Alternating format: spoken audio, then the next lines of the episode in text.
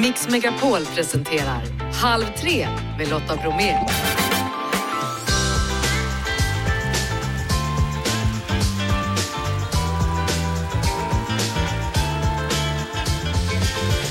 Hallå där och varmt välkommen in i Mix Megapols Halv tre-studio. Stor Eurovision-yra i dagens program. Ronny Larsson går igenom kvällens semifinal och Edvard af Sillén rapporterar om Lorens form direkt från Liverpool.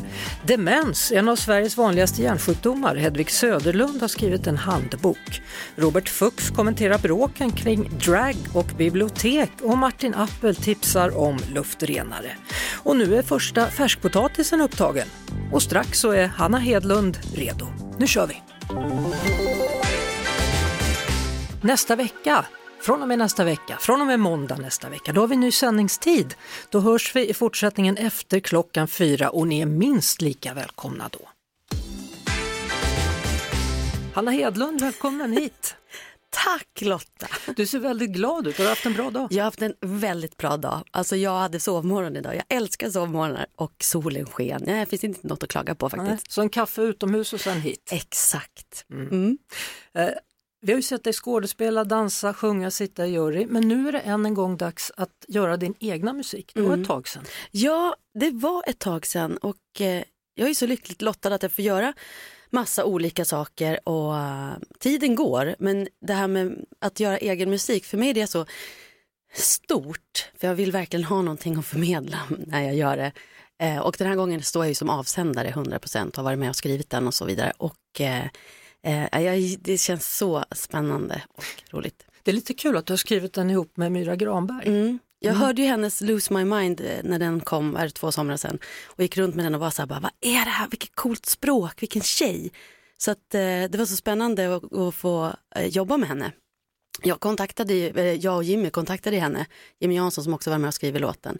Och, och hon bara, ja men gud vad roligt. Så det, det hade varit jättespännande. Ja, ni är verkligen två generationer kan man säga. Det kan man verkligen säga. Ja. ja hon kunde ju varit min dotter. Men, så det var ju ibland sådär, eh, just med språket, att jag kände det måste ju vara mitt språk. Liksom. Jag kan inte sjunga så här, gud fett grymt. Utan men det är ändå kul att det har funkat. Ja men det funkade så vansinnigt bra så att vi har fått lite blodad hand. Jag hoppas det blir mer. Mm. Mm. Redo nu heter låten, vad handlar mm. den om? Men den handlar egentligen om att vara redo eh, att liksom gå vidare i livet efter kanske ett eh, ett uppbrott eller en sorg. Ja, det, det, är ingen som blir förvånad. Alla vet ju att du skilde dig då från Martin Stenmark. Ja precis. Eller ni skilde er från ja, varandra. vi skilde oss från varandra. Men, ehm, och det är klart man kan läsa in det i, i låten om man vill. För mig handlar det lika mycket om sorgen efter min pappa som gick bort för sju år sedan. Jag upplever att sorgen var lite, den påminde om varandra. Det var ett sorgarbete även separationen. Och eh, jag kan känna att man, man, måste liksom igenom sorgens alla faser och så är, när man är på andra sidan och kan minnas relationen för allt fint som den var. Dit har jag alltid velat och eh, där är jag nu. Så mm. nu är det bara kapitel två, bring it on. och förutom sorg då, raka motsatsen, i sommar mm. blir det Diggiloo-turné. Ja, Diggiloo, alltså det här ska bli så roligt, jag är så glad. Det är lite dream come true. Jag var med 2015 och eh, det är en av de absolut roligaste eh, turnéerna man kan åka på. Jag älskar att samarbeta med andra. Jag ser lika mycket fram emot att få köra bakom Di Leva och Anneli Rudi och Jessica Andersson och Andreas Lundstedt och alla som att göra min egen låt. Så det är väldigt kul. Du ska ju komma tillbaka till mm. programmet och berätta ännu mer både om sommarens turné och så ska vi prata om livet självklart. Mm. Eh, men för nu då kan vi väl ta och lyssna på nya låten Redo nu? Ja. Hanna Hedlund. Halv tre med Lotta Bromé på Mix Megapol.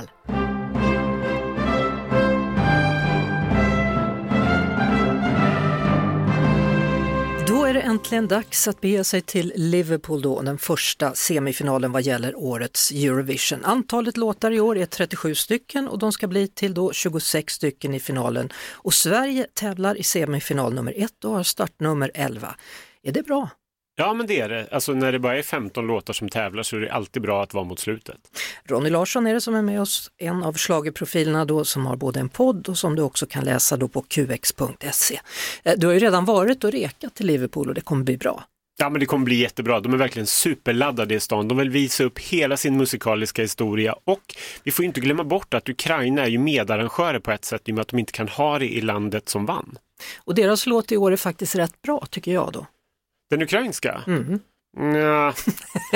jag är neutral. nu är vi där igen, det är jag med dansmusiken och lite så här halvhouse och du bara mm. men, men vad tror du, kommer det bli som förra året att alla har sympatiröster med Ukraina så att de vinner igen? Nej, det tror jag inte. Jag tror liksom vi har släppt det där på något sätt. Det är klart att folk fortfarande har stöd till Ukraina och det kommer märkas i programmet också. Men jag tror inte vi kommer rösta på Ukraina i år på samma sätt som vi gjorde förra året. Vi tar itu nu då med semifinal nummer ett och du tycker det mesta är bra. Ja men det gör jag. Det finns ingenting som är riktigt dåligt här.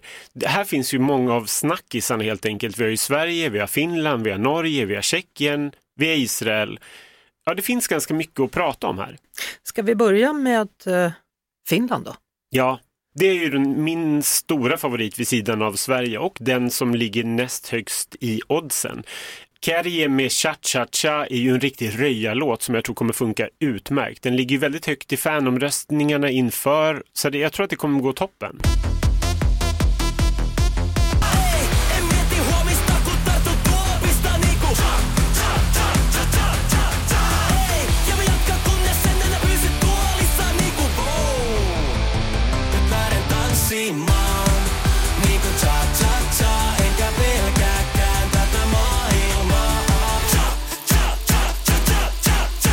Frågan är om den kommer spelas på radio då, eller kommer det bli någon sån där låt som man aldrig hör mer sen? Nej men det tror jag inte. Jag tror liksom den, den är tillräckligt kommersiell för att funka. I den första semifinalen så hittar vi också Moldavien, de sticker ut lite. Ganska mycket. De bjuder ju på ett klassiskt Eurovision-uppträdande med en så här dansig etnolåt som påminner lite grann om den franska låten förra året, om någon nu kommer ihåg den. Och den här mannen då har tävlat 2012, samma år som Loreen vann, så han återvänder tillsammans med Loreen och nu i samma deltävling och han tar med sig en kortväxt man som spelar flöjt. Ja, en Balkandänga framförs med dundrande trummor, två hornbeklädda klädda kvinnor och en kortvuxen man som spelar flöjt. Det låter som Eurovision. Ja, det är klassiskt Eurovision. Det är precis vad man vill se när man sätter sig framför tvn.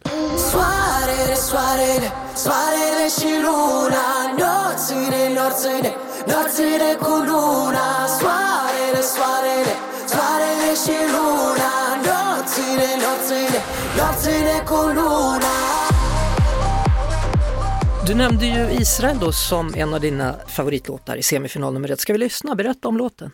Ja men det här är ju en eh, populär poptjej från Israel, Noah Kirel, som tävlar med en klassisk Eurovision-popdänga. Det ska bli intressant att se det här på scen för hon har inte uppträtt i något sammanhang inför Eurovision. Hon vill spara sig till Eurovision-scenen, även om hon är populär i Israel. Alldeles strax pratar vi vidare om låtarna i den första semifinalen av Eurovision med Ronny Larsson. Där hade vi Israels bidrag då, Noah Karel med Unicorn. Och hon har själv sagt då att enhörningen är ett alldeles utmärkt symbol i en värld som jag inte vet åt vilket håll den ska om man uttrycker sig milt sagt. då tycker hon att då kommer den hoppande och livet blir genast lite bättre. Det är Ronny Larsson, en av schlagerprofilerna som finns med mig. Programmet heter Halv tre och du lyssnar på Mix Megapol. Ska vi fortsätta att gräva lite då i semifinal nummer ett? Ja, det kan vi göra och då kan vi kanske blicka på de lite svagare länkarna i semin. Vilka tänker du på då? Nederländerna som hade ganska många dåliga år, kom tillbaka ett tag och visade sig att ja, men vi vill verkligen det här. Men nu är de tillbaka i ett ganska tråkigt träsk igen och tyvärr har de Duncan Lawrence, han som vann för några år sedan i ryggen. Han har plockat fram två personer som inte sjunger så bra har det visat sig i en låt som är, den är ganska blek helt enkelt. Det är likadant som en del andra låtar, en axelryckning. Ja men lite grann, det blir ett glas vatten och dessutom så blir det ju fruktansvärt när de inte kan ta ton de här två. Det är väl det första man borde kolla på innan man ställer sig på en Eurovision-scen. Men du, stämmer det att tv-bolaget till och med gått ut och bett om ursäkt? Ja, mer eller mindre. Det här har ju blivit en jättekontrovers i Nederländerna. Tv-bolaget backar helt enkelt inte Mia och Dion som de heter. I don't find any joy anymore from the same old cycle det är ju ledsamt. Jaha. Kroatien då, vad tycker du om dem? Jag tycker Kroatien är ganska kul. Det här är ju också precis sånt som man vill se i Eurovision. Det är lagom knasigt och det har ett underliggande budskap. Det här är väl det mest Putin-kritiska som dyker upp i år i Eurovision. Mamma kupila traktoren Mamma kupila traktoren Mamma kupilla traktora Trainanina Armageddonona Traktor Mamma ljubila morona Kroatiens grupp heter då Lätt 3 och de är kända för att ha obscena liveframträdanden. Hur ska det bli här nu då? Ja men det kommer det verkligen bli. Alltså de mixar manligt och kvinnligt, det är lite nycirkus, det är lite lösmustascher, det är väldigt färgglatt smink. Ja det är lite av allting helt enkelt. Och texten handlar tydligen om en mamma som köpt en traktor och att mormor är sociopat. Ja, lite grann så. Här kan man dra vissa paralleller då till en 70-årspresent mellan Putin och Lukasjenko och det var just en traktor. Sen är det ju precis som alltid då att det finns the big five, det vill säga de länder som plus det landet som vann förra året är direkt kvalificerade och du tycker vi ska lägga märke till Frankrike detta år. Ja, Frankrike är det många som pratar om det här året. De är ju väldigt upp och ner. Förra året gick det jättedåligt, året innan kom de tvåa. I år så pratar många om det här landet. Det är en ganska släpig discodänga och hon har beskyllts för att vara diva. Hon kommer från Kanada egentligen och heter Lazara. Men jag tycker att den är ganska bra. Det tycker jag med. Ja. Men jag älskar ju å andra sidan släpande discodängor. även, Det om, är inte jag kan jag säga. även om den här börjar som en traditionell chanson, det får man ändå säga. Absolut, den bygger ju och liksom, ja, men ökar i tempo hela tiden. Ikväll är det alltså dags för Loreen i den första av de två semifinalerna. Kommer jag tala med dig imorgon och du är jätteglad och säger ja, det gick som jag trodde, hon gick vidare. Ja, utan tvekan. Det finns inte en suck att Loreen inte går vidare. Tack så mycket Ronny Larsson och vi hörs igen imorgon då. Ja, det finns inte en suck. Nej. Halv tre med Lotta Bromé på Mix Megapol. Och med mig i studion nu, hjärn och minnesforskaren tillika professor i psykologi, Hedvig Söderlund som är aktuell med boken När hjärnan sviker om livet med demens. Välkommen hit! Tack snälla. Vi ska prata mer om, om din bok, om demenssjukdomar och hur man upptäcker dem om en liten stund. Men jag måste fråga, varför blev du intresserad av hjärnan? Du, det var inte en sån här raksträcka att när jag var fem år så bara, jag vill bli hjärnforskare.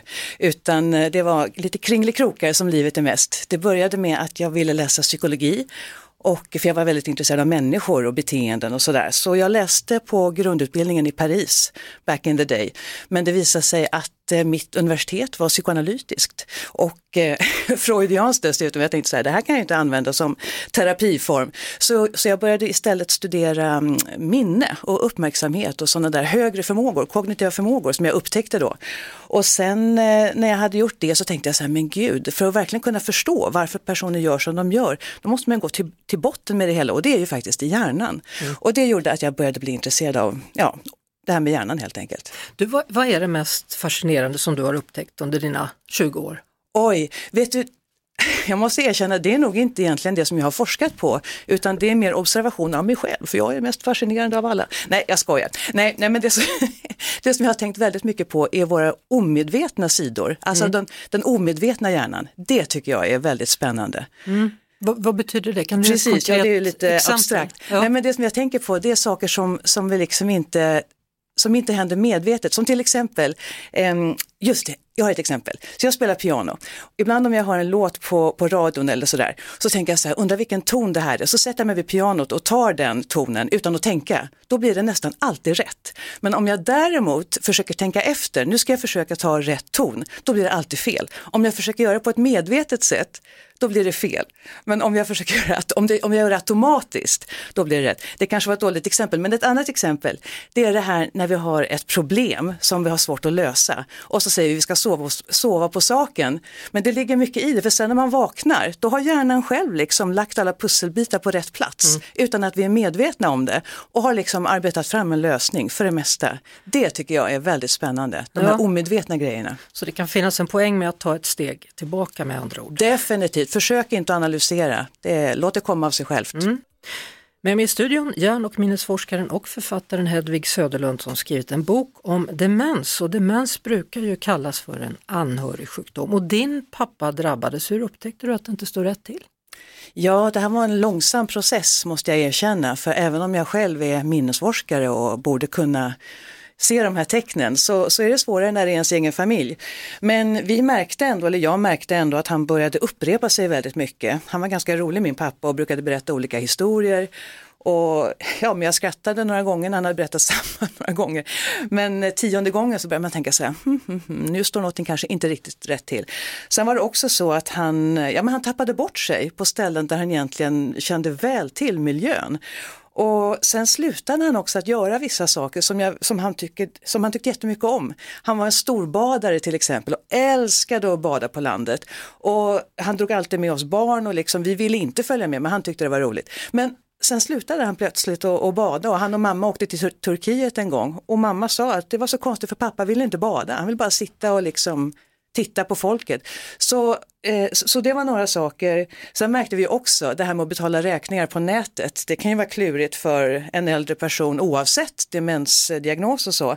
Men hans kort blev spärrat och saker gick inte igenom, betalningar gick inte igenom. Han började få svårare att liksom utföra olika instruktioner så där, när saker ska göras i en viss ordning. Men, men när du säger att han upprepade samma sak, menar du under ett och samma samtal Nej. eller menar du med liksom tid emellan när ni Precis. träffades? utspritt i tid, definitivt. Jo, det var inte så illa, då hade vi definitivt förstått att något var Mm. fel. För det var inte så pass, det gick väldigt långsamt hans försämring. Och, och det här är faktiskt en grej inom demens, att man kan utveckla demenssymptom olika fort beroende på hur pass stor kognitiv reserv man har, som det kallas. Och det är en slags buffert, en mental buffert som man kan bygga upp mer eller mindre om man har ett väldigt aktivt liv rent intellektuellt, även fysiskt. Och man har liksom en, en mental reserv att ta av ifall hjärnan får någon typ av skador. Och min pappa tror jag faktiskt hade en ganska stor reserv för han var väldigt intellektuell och hade ett intellektuellt arbete och sådär.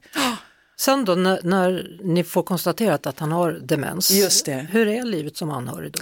Alltså det är, ja, det är tufft, det är verkligen tufft, det är ledsamt och mycket känslor och det skriver jag också om i boken om alla de här bl- blandade känslorna som är så Ja men de är tuffa att hantera helt enkelt men samtidigt så är det bara att gilla läget för livet är ju så. Men, ehm, ja, men det, det är ledsamt till exempel att se sin förälder långsamt försvinna ifrån en kan man säga och att den successivt känner igen en och ens familj mindre och mindre. Det är också naturligtvis väldigt ledsamt.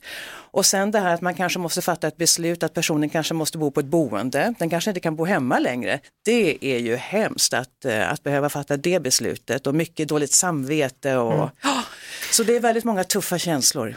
Ja, du har ju skrivit en bok nu då som är lite som en handbok om demenssjukdomar, kan man säga så? Vad roligt att du säger det, för det var faktiskt en av titlarna jag tänkte på för boken, en demenshandbok. Men det låter lite väl torrt, men det är precis så. Det är som en slags kunskapsbank över eh, vad demens är, tidiga tecken, eh, vad man ska göra när man misstänker demenssjukdom, hur demensutredningar går till, vad som händer i hjärnan och så vidare och så vidare och hur det är att vara anhörig.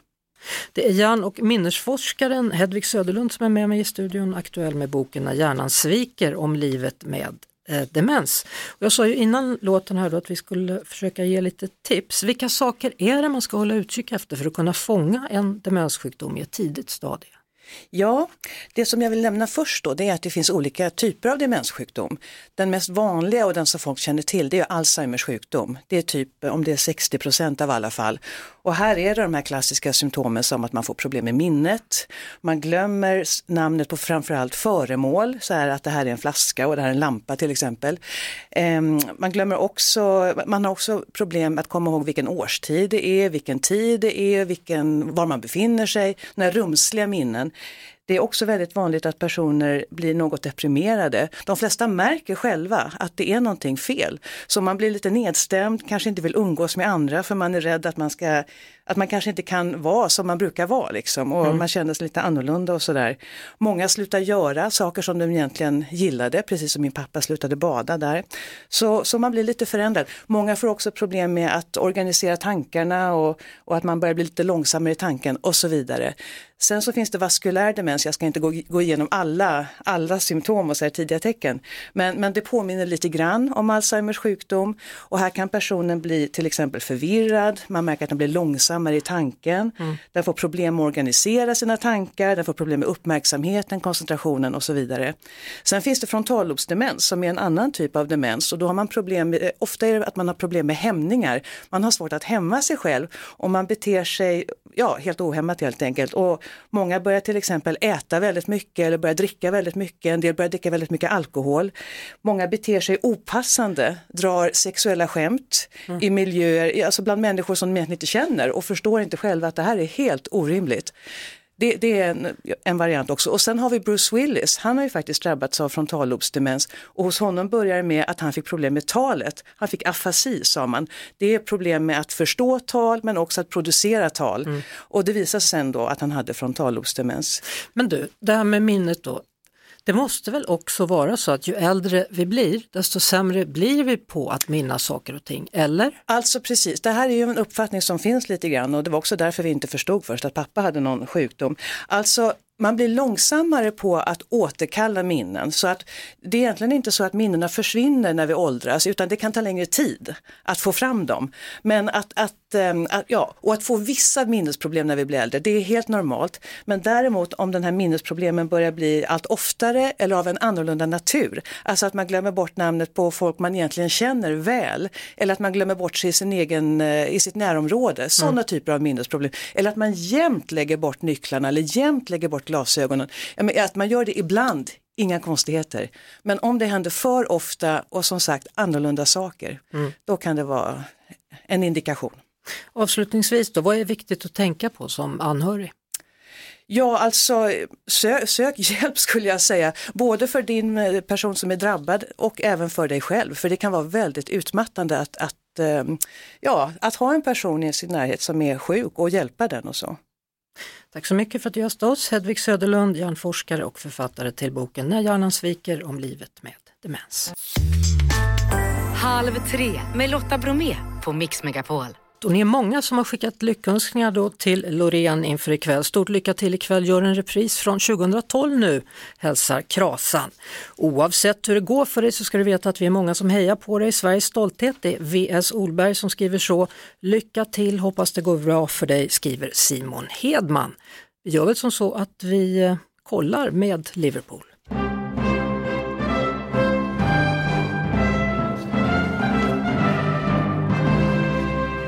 Hallå, hallå Edvard af Sillén. Hej Lotta! Ja du, hur laddad är du? Nej, men nu är jag riktigt laddad om jag ska vara ärlig. En vecka av repetition, nu vill man, nu vill man släppa in tv-tittarna. Hur laddad är Loreen? Alltså, det, det hände någonting igår kväll på eh, publikrepet när hon mötte publiken igen. För hon har repat så fokuserat tekniskt nu liksom i, i veckor. Och när publiken kom in så var det som att hon liksom flög. Det var som att hon hade kul på scenen igår. Eh, och när vi kom tillbaka till hotellet på kvällen så var hon liksom skrattig. Så jag känner att hon är riktigt laddad nu. Hon har längtat. Mm. Hur laddad är Liverpool? Eh, ja, men det här är ju en helt otrolig Eurovision-stad. Alltså, det är ju inte en, inte en gata som inte har smyckats med flaggor och butikerna kör specialteman. Och, de tar verkligen det här med hull och hår. Nu har du följt eh, flera av repetitionerna då. Är det någon sång, eh, framförallt ikväll då kanske, som har seglat upp som din favorit förutom Loreen? Grejen är att eh, Finland är ju ett hot mot Loreen av en anledning. Det är ju, det är ju absurda tre minuter på något sätt. Eh, om man tänker att de har blandat sju olika musikgenrer. Men det är också effektivt och, och det, den är fantastisk på scenen. Så Finland är en jättefavorit, men jag vill också nämna Nederländerna som har fått en låt av Duncan Lawrence som du vann eh, med Arcade för några år sedan. Han har skrivit en låt som jag tycker är så himla vacker. Men kan de sjunga? Det har varit stora debatter om det. Ja, det är faktiskt frågan och det, det, får vi, det har varit lite olika på olika rep. Vi får se hur det går ikväll, men det är en fin låt i alla fall. Ja. Eh, vilket nummer ikväll är det som vi kan hämta kaffe under eller något annat? Ja du, eh, Lettland eh, kanske kommer kämpa lite med att få folks uppmärksamhet tror jag. Låten heter också Aja som på lettiska betyder ungefär vyssan lull. Så att det, Oj då. det, det, blir, ja, det är lite sömnigt Ja. men, men, men många kommer tycka den är fin kanske. Och vilket nummer förutom Loreens och eh, Finlands då ska man inte missa? Äh, man får ju inte missa Kroatien som skickar in liksom Kroatiens egna nationalteatern. Ett gäng män i 60-årsåldern, högklackat, eh, som strippar. Det ska man inte missa. Som en, det mot kriget vill jag är en förmildrande omständighet. Ja. Du, våra lyssnare här, eh, de har eh, svarat på en fråga. Tror du att Loreen går vidare? 13 procent säger nej, tyvärr inte, medan hela 87 procent skriver ja, hon är bäst. Vad säger du, går Loreen till final? Jag håller med, hon är bäst. Hon är en otrolig kraft på scenen. Och att, att vi inte skulle gå till final ikväll, jag vill inte jinxa Lotta, men, men det känns helt osannolikt. Jag, jag, jag säger att hon absolut går till final. Det är på lördag som rysaren börjar. Får vi, får vi rösta idag i Sverige eller? Ja, ikväll är det bara att rösta loss. Då vet vi. Eh, Allt gott och så hörs vi svensk tid klockan 21 ikväll då. Jag längtar. Det gör vi också. Vi hörs då, Edvard af Sillén. Tack för nu. Halv tre med Lotta Bromé på Mix Megapol. Ja, hörni, en av de stora snackisarna då från söndagens partiledardebatt det har ju handlat om att dragqueens läser sagor för barn på bibliotek runt om i landet. Jimmy Åkesson han sa bland annat så här. Jag tycker det är helt vansinnigt att skamlös vinhora får skattepengar för att läsa sagor för barn. Där går åtminstone min gräns. Mm, så sa han och han återkom vid flera tillfällen då under den här debatten till Miss Shameless Winehore, skamlös vinhora. Eh, Robert Fuchs, programledare för Drag Race Sverige, vad tycker du om att drag är det som man tar med sig från söndagens partiledardebatt? Hej Lotta! Ja, nej, men jag lyssnade ju som många andra på den här debatten och förfärades verkligen över eh, retoriken och, och hur man uttrycker sig om en kreativ eh, konstart, någonting som är så uppskattat, så välbesökt och så efterfrågat på biblioteken eh, av både barn och äldre som just läsningar av drag queens. Vi kan också konstatera då att eh, Miss Shameless själv då har faktiskt uttalat sig. Hon har sagt så här i Kulturnyheterna och det är inte hennes röst som läser. Jag vet inte om jag ska skratta eller gråta att vi är på den här sandlådenivån. Jag har två namn. Miss Shameless läser sagor för barn när jag åtar mig det uppdraget. Sedan har jag ett annat namn, Miss Shameless Winehore, när jag gör vuxenevenemang. Sagostunderna är framtagna för barn och anpassade för barn. Budskapet handlar om acceptans, vänskap, kärlek och att våga uttrycka sig på det sätt man vill. Så är det med den saken, Robert Fuchs. Mm. Nej, men det är ju så att eh, det här namnet eh, Shameless med för och efternamn har ju aldrig använts Eh, för barnen eh, på det sättet som Jimmy Åkesson beskriver. Eh, utan det är Shameless som har använts som ett namn. Och jag tycker att det är fantastiskt att vara skamlöst stolt över den man är. Och att man kan ta den platsen och öppna upp för fantasi och sagoglitter, allt det där som är positivt. Det tycker inte jag att man på något sätt ska begränsa. Ehm, eller skapa splittring kring. Jag har ju själv läst eh, böcker för barn i drag på bibliotek förr om åren och eh, den där responsen är fantastisk. Det är ju ingen som tvingar varken Jimmy Åkesson eller Björn Söder att eh, sitta med på de här sagostunderna. Det är ju helt frivilligt. Men jag vill inte ha en sån här prussiluska som, som Björn Söder som kommer och säger hur vi ska tänka och hur vi ska göra och eh, vad vi får säga och inte. Alltså Pippi är en sån här förebild som barnen älskar och dragqueensen är som Pippi, modiga och tar plats utan att be om ursäkt. Mm. Man diskuterade ju också då public service och huruvida public service ska göra ett program som det som du har lett då, Drag Race Sverige. Vad känner du inför mm. det?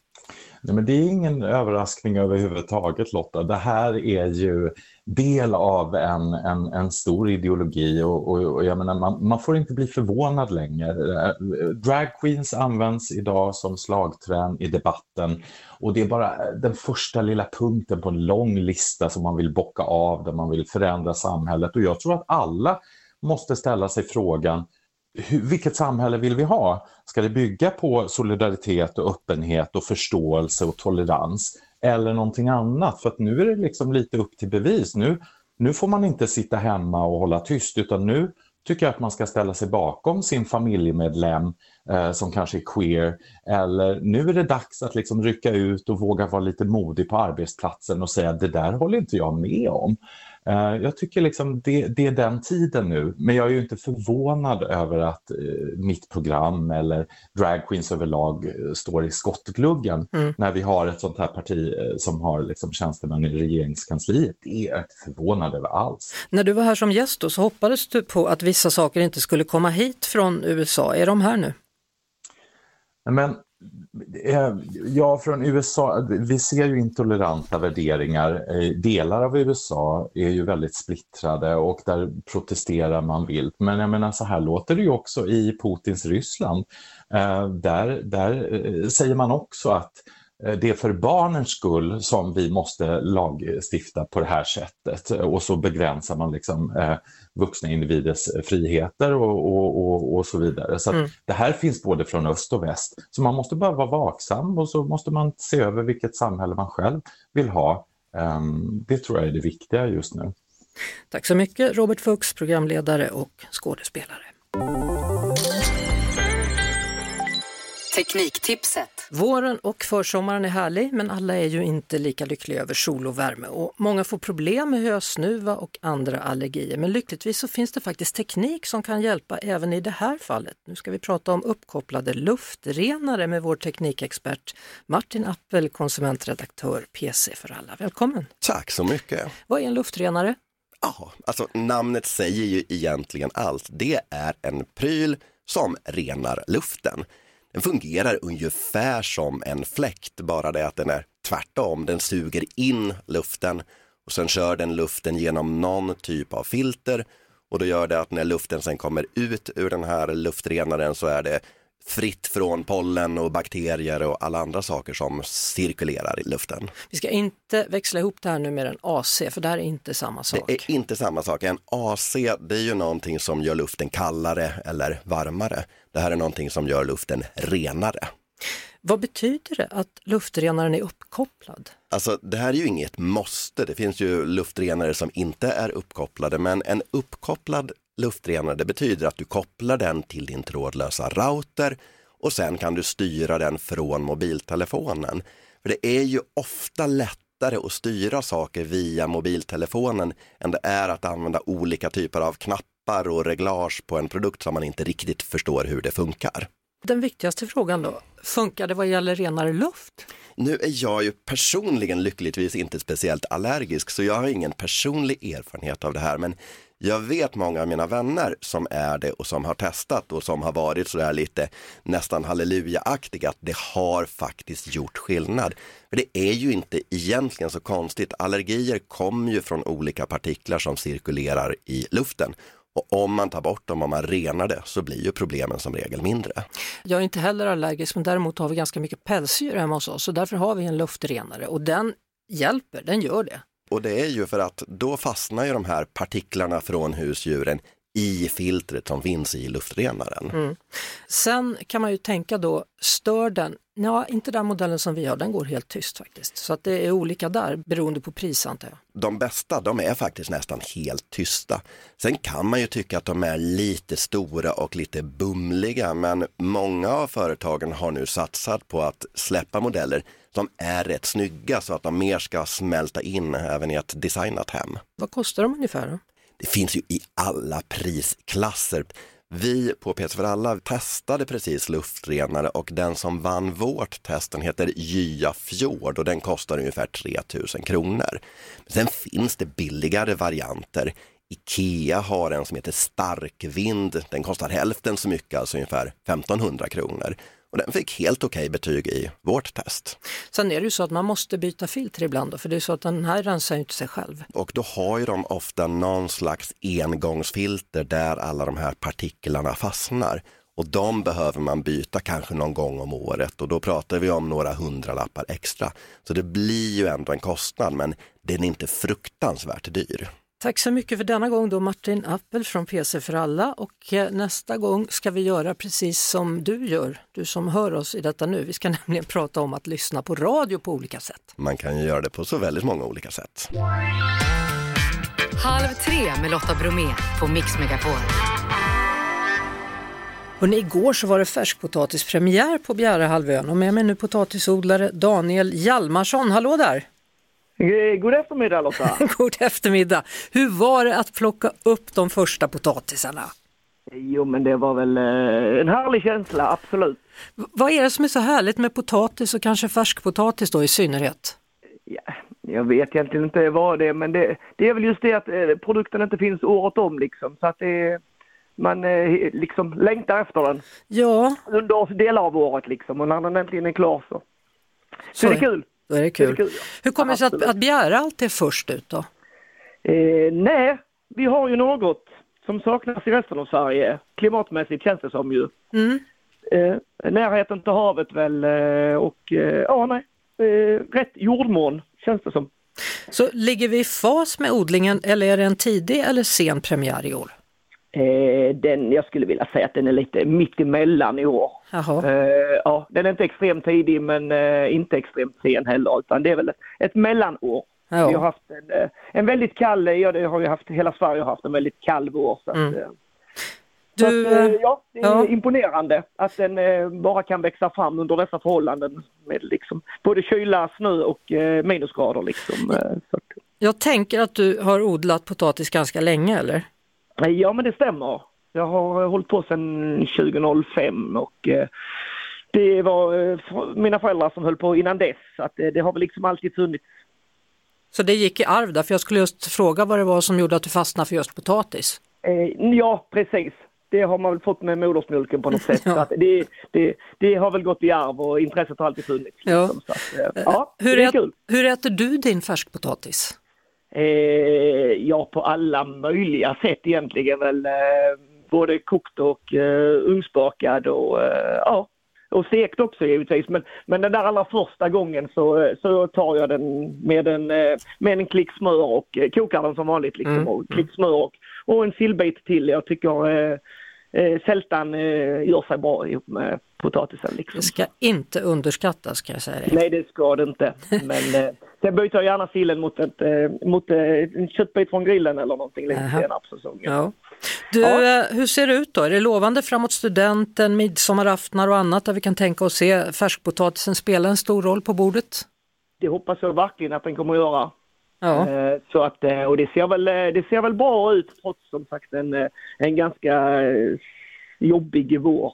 Men det, nu växer det på liksom så att Mm. det ser väl lovande ut tycker jag. Du, vad gick ett kilo på nu då igår? Eh, vad sa du nu? Ett kilo färskpotatis, vad gick det på igår när det var budgivning?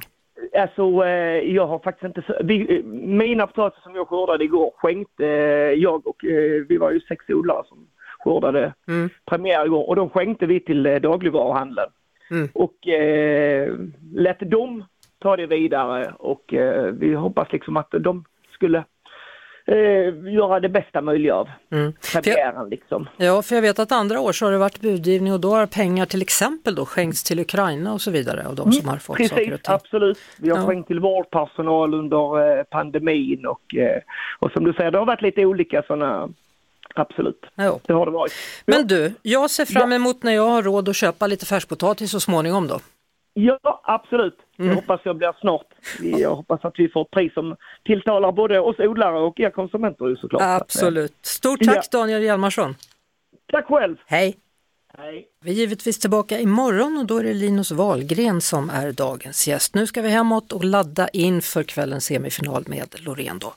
Vi som har jobbat idag, det vill säga Jeanette, Janne och Lotta säger tack för idag. Det gör också vår producent Jeff Neumann. Fortsätt lyssna på Mix Megapol. Ny säsong av Robinson på TV4 Play. Hetta, storm, hunger. Det har hela tiden varit en kamp. Nu är det blod och tårar. Fan händer just nu. Det. är Detta inte okej. Robinson 2024, nu fucking kör vi! Streama söndag på TV4 Play.